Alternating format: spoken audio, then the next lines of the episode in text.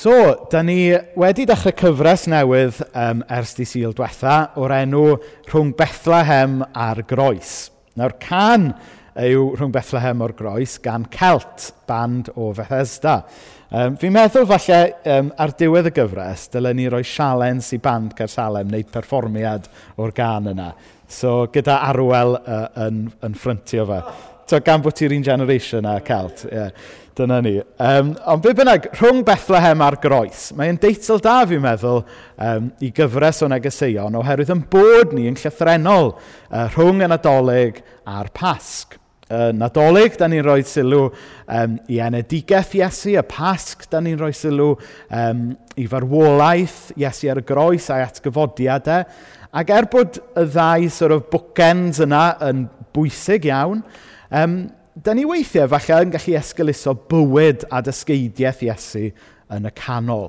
Felly dyna i ni yn gwneud tymor yma yn arbennig wrth edrych ar rai o ddamhegion Iesu. A'r ddameg sydd gyda ni bore yma ydy dameg y tenantiaid y y, y wynllian a'r tenantiaid. Ac felly mae'r darlleniad yn dod o Matthew 21 yn dechrau darllen yn adnod 33. Gwrandewch ar stori arall. Roedd rhyw ddyn a thir ganddo wedi plannu gwynllan. Cododd ffens o'i chwmpas, cloddio lle i wasgu'r sydd o'r granwen ac adeiladu tŵr i'w gwylio. Yna gosododd y wynllan a rent i rhyw ffermwr cyn mynd i ffwrdd ar daith bell. Pan oedd hi'n amser casglu'r granwen, anfon oedd weision at y tenantiaid i nôl ei siar o'r ffrwyth. Ond dyma'r tenantiaid yn gafael yn y gweision ac yn ymosod ar un, lladd un arall a chybuddio un arall gyda cherig. Felly dyma'r dyn yn anfon gweision eraill, mwy ohonyn nhw y tro yma. Ond dyma'r tenantiaid yn gwneud yr un peth i'r rheini. Yn y diwedd, dyma'r dyn yn anfon ei fab atyn nhw. Bydden nhw'n parchu fy mab i, meddai. Ond pan welodd y tenantiaid y mab, dyma nhw'n dweud wrth ei gilydd, hwn sy'n mynd i etifeddu'r wynllan. O lladdwn ni hwn, cawn ni'r wynllan.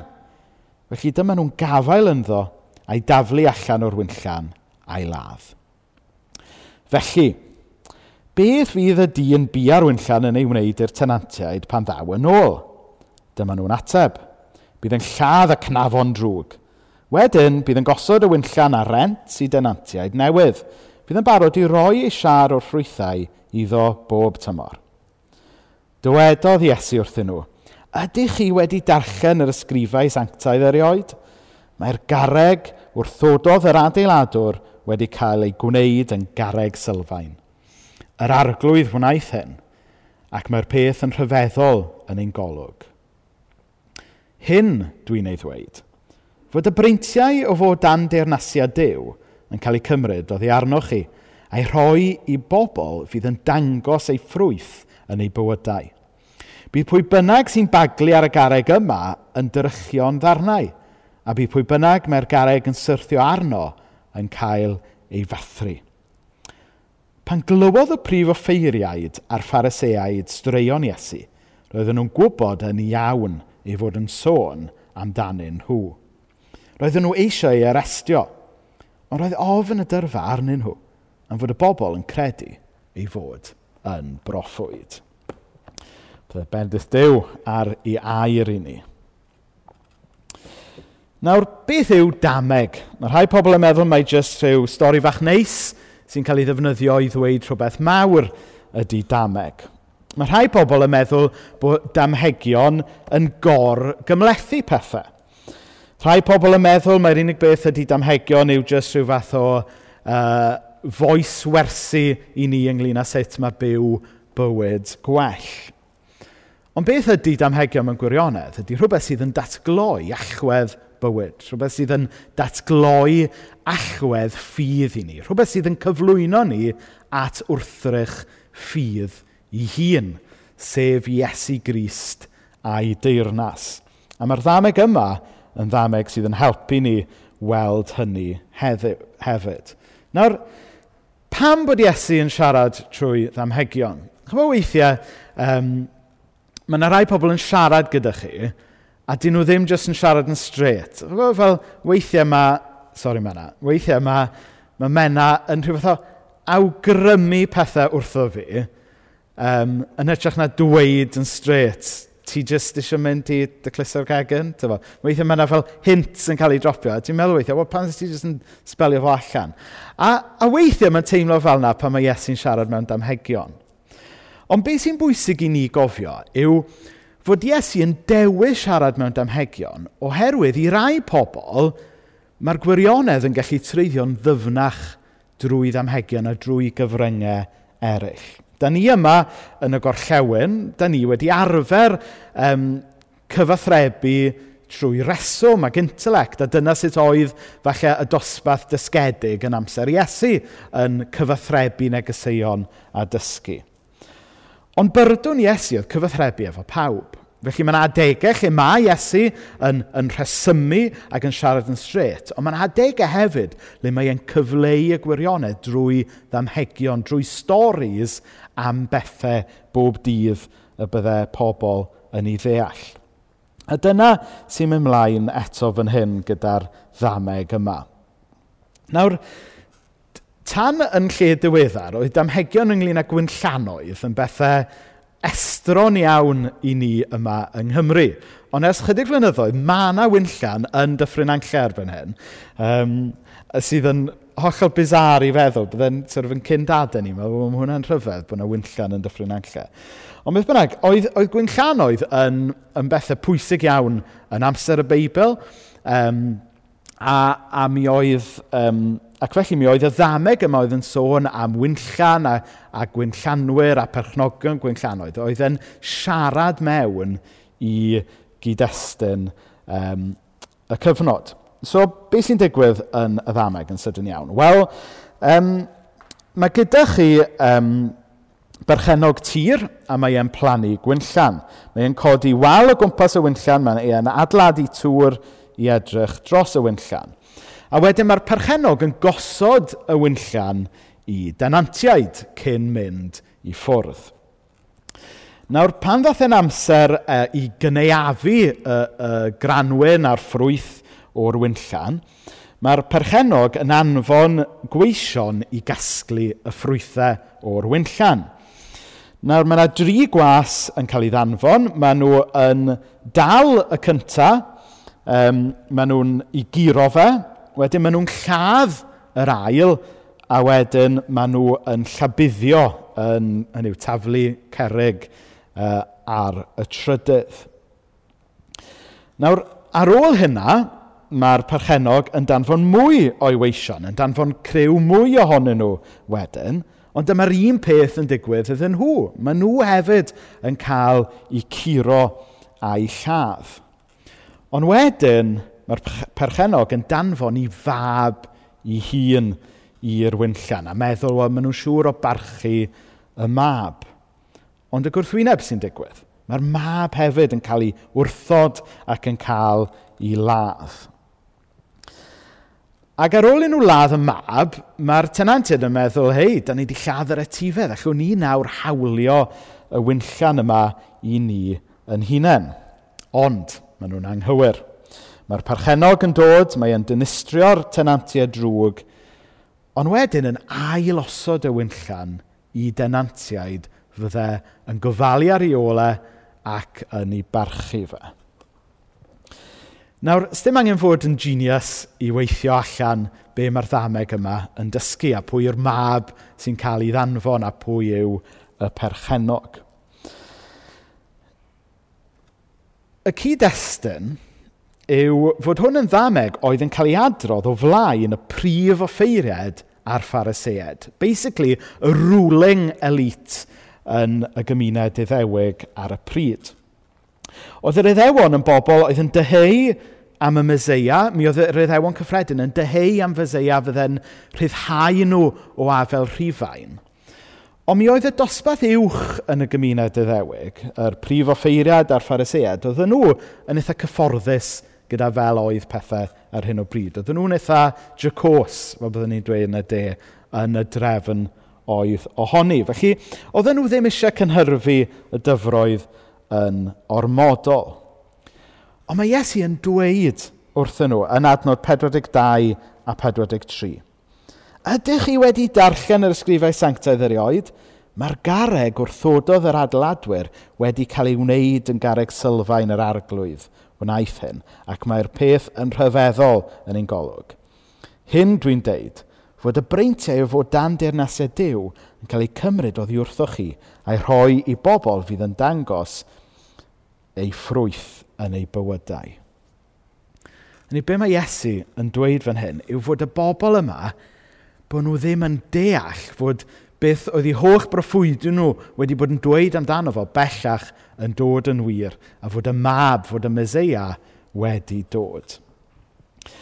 So, dameg yw hon sydd yn siarad am ddew, mae'n siarad am teirnas ddew, um, a mae'n sôn am bobl sydd falle ddim yn gweld beth sy'n amlwg o'i blaenau nhw ac yn ei wrthodau. E. So, basically, dyma yn fras sut mae y roles gwahanol yn y ddameg yn cael ei rhannu allan. A dwi'n meddwl bod hwn yn mynd i fod ar y sgrin naw.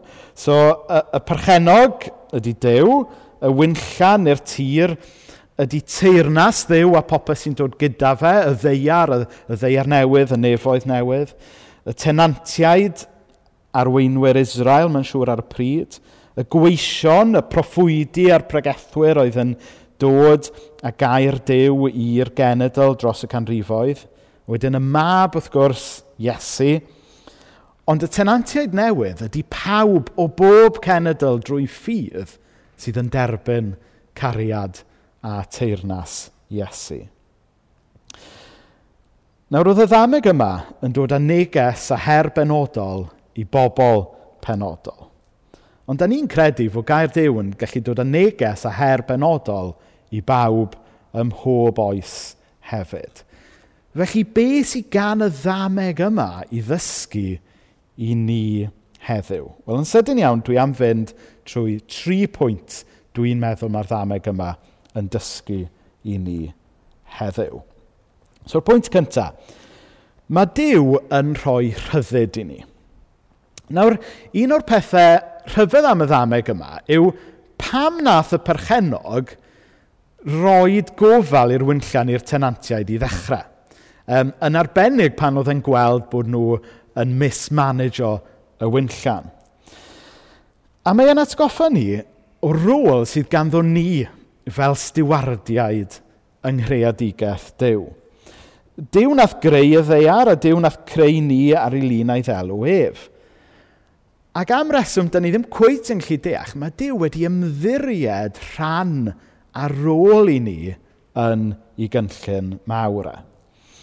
Mae Dyw wedi rhoi rhyddid i ni, mae Dyw wedi rhoi ewyllus rydd i ni, ond problem rhyddid a problem ewyllus rydd ydy mae'n gallu mynd naill ffordd neu'r llall. Da ni yn rhydd i ddewis bywyd o gariad – Ond yn aml, mae'n rhyddid ni'n arwain ni i fywydau bler, perthnasau'n torri, perthynas efo dew yn torri. A'r cwestiwn yw, pam fod Dyw wedi rhoi rhyddid ac ewyllus rydd i ni? A mae'r dyfyniad yma gan C.S. Lewis yn helpu ni ddechrau deall hynny. Why then did God give them free will? Because free will though it makes evil possible, is also the only thing that makes possible any love or goodness or joy worth having. A mechanical world, a world of creatures that worked like machines, would hardly be worth creating. The happiness which God designs for his higher creatures is the happiness of being freely, voluntarily united to him and to each other in an ecstasy of love and delight. Hynny yw, er yn bod ni yn gwneud llanast o'n bywydau, o'n perthnasau, o'r byd yn aml, dydy Dyw ddim yn gorfodi i gariad arno ni. Mae e'n rhoi rhyddid i ni, mae e'n rhoi ewyllus rydd i ni. A dwi'n meddwl bod hwnna yn rhoi urddas ac yn rhoi pwrpas arbennig i fywydau pob un ohono ni. Ond mae e hefyd yn rhoi cyfrifoldeb yn dydy.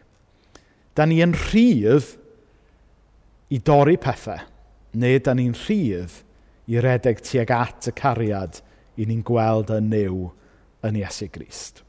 Da ni yn rhydd i dorri perthnasau ac i gam ddefnyddio'r greadigaeth, neu da ni'n rhydd i gydweithio gyda Dyw i adfer popeth er i ddaioni fe. Nawr yr ail bwynt. Dwi'n meddwl bod y ddameg yma'n dysgu ni fod Dyw yn ddiw amyneddgar sydd yn rhoi sawl cyfle i ni. Nawr yn y ddameg mae'r uh, tenantiaid, maen nhw'n uh, gwrthod un gwas, mae gwas arall yn dod, maen nhw'n gwrthod hwnna, bladi, bladi, bla, maen nhw, mae hyd yn oed yn gwrthod y mab yn y diwedd. Ond eto, dydy Dyw ddim yn rhoi give up arnyn nhw. A mae hwnna falle yn gysur i ni. Da ni falle yn gallu meddwl am adegau yn bywydau ni, neu falle yn gallu meddwl am deulu a ffrindiau falle, sydd ddim fel bod nhw'n ymateb i gariad a gras Dyw. Ond mae'n bwysig bod ni'n cofio bod Dyw ddim yn troi cefn. Mae Dyw yn parhau i ddanfon i air. Mae Dyw yn parhau i drio torri trwyddo ni gariad mewn i'n bywydau a'n sefyllfa ni. A mae'r ddameg yma'n atgoffa ni fod Dyw ddim yn sort of, troi cefn anon ni unwaith bod ni falle wedi wrthod yr alwad gyntaf. Ond mae Dyw yn danfon i air dro ar ôl tro i ni tan bod e yn torri trwyddo.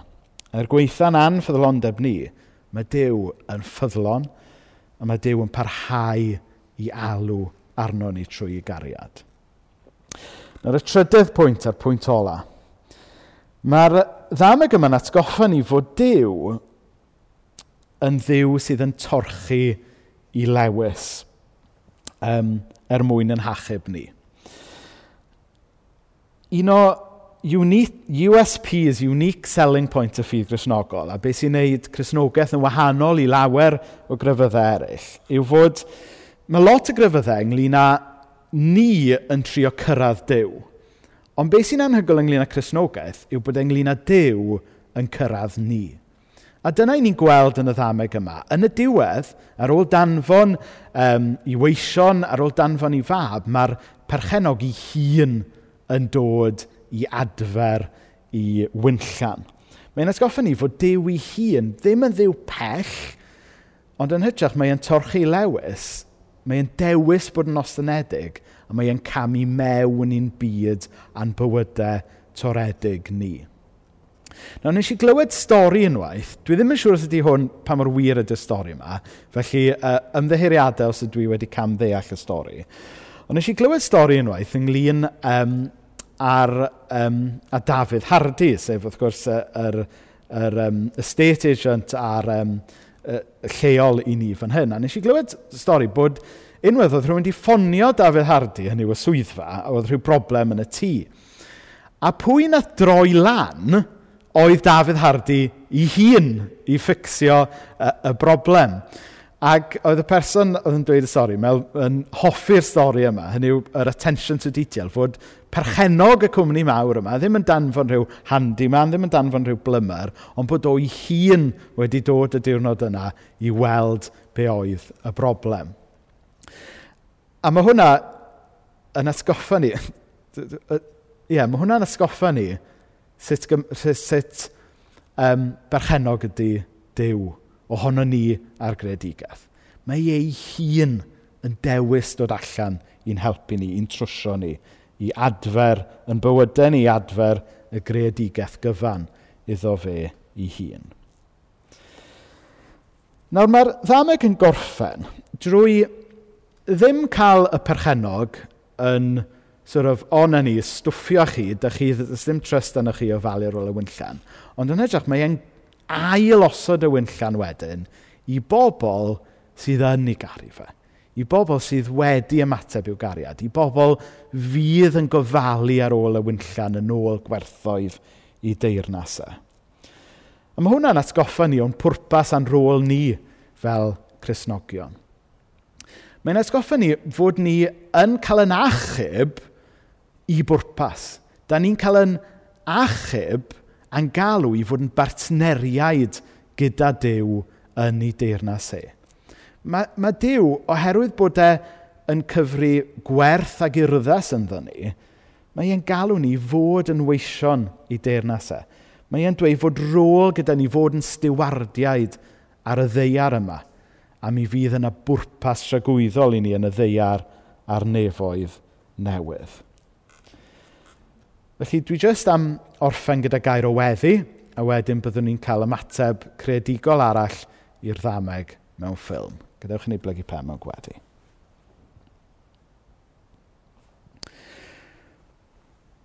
O ddiw dad, da ni yn diolch am y ddameg yma sy'n asgoffa ni fod ti yn rhoi rôl a rhyddid i ni. Gymryd gofal dros yn bywydau ni, gymryd gofal dros yn perthnasau, gymryd gofal dros dros y greadigaeth. Ond o ddiw dad, fel y tenantiaid yn y ddameg yma, da ni yn dechrau drwy gyffesu yn bod ni oherwydd yn beiau, oherwydd yn pechodau yn ei llanast o bethau. Da ni yn cyfaddec yn cyffesu yn bod ni oherwydd yn pechod yn dwrthod i ddechrau, yn meddwl bod ni'n gallu sortio fe gyd allan yn hunain o ddiw dad helpa ni fod fel y tenantiaid newydd sydd yn derbyn dy air di, yn derbyn dy gariad di. Paid y gadael ni fod yn bobl sydd yn gwrthod dy fab di, ond o ffydd i ni dderbyn dy fab di. I'n herio ni, i'n cysuro ni, i roi pwrpas i ni. O ddiw dad, da ni yn byw mewn byd toredig o ddiw dad. Ac felly o ddiw dad, i ni'n gofyn i ti helpu ni fel Cresnogion yn arbennig i bwyso ar yr ysbryd glân, i weld sut y gallwn ni fod yn stiwardiaid cyfrifol, yn yn penderfyniadau yn y ffordd da ni'n byw. Helpa ni fod fel y tenantiaid newydd ar ddiwedd y, y ddameg yna o ddiw dad, sydd yn byw gyda dy gariad di um, yn yn rheoli ni ac nid yn agenda ni. Dyn ni'n gofyn hyn yn enw Iesu.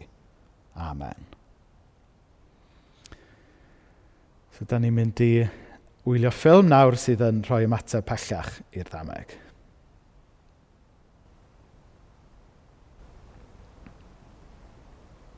Gwynllan a roddwyd dim gofal yw Cymru fy ngwlad ond beth sydd gennyf i'w gynnig pan ddaw'r negesydd i gasglu ffrwyth. I gadw'r wynllan yn saff, gosodom larymau ar bob drws, cloi'r beiblau mewn cwpwrdd, ffosileiddio defod, canu fel eisteddfod, cytuno'n frwd yn y capel ac anghofio wrth y madel, a'r sydd yn y wynllan yw chwerder trafodaeth negesydd at y drws, ond haws yw diffodd lleisiau gwahanol, y proffwydi sy'n mynnu newid, a mynd yn ôl i wrando pregethau ddim yn gofyn gormod, a gafael yn dyn yn ein pethau. Danfonwyd y mab, ond i gadw'r wynllan rhag y moch, doedd dim lle iddo ti mewn, gwell cael ei wared, ac adeiladu'r wynllan ar ein delwau ein hunain. Gwyn ei byd y sawl sy'n cael ei gwrthod gan sefydliad. Gwyn ei byd y sawl sydd wedi meddiannu gan gariad. Gwyn ei byd y sawl sy'n dyheu am Iesu, sy'n byw fel bod popeth yn dibynnu arno, oherwydd hwy a etifeddant y wynllan.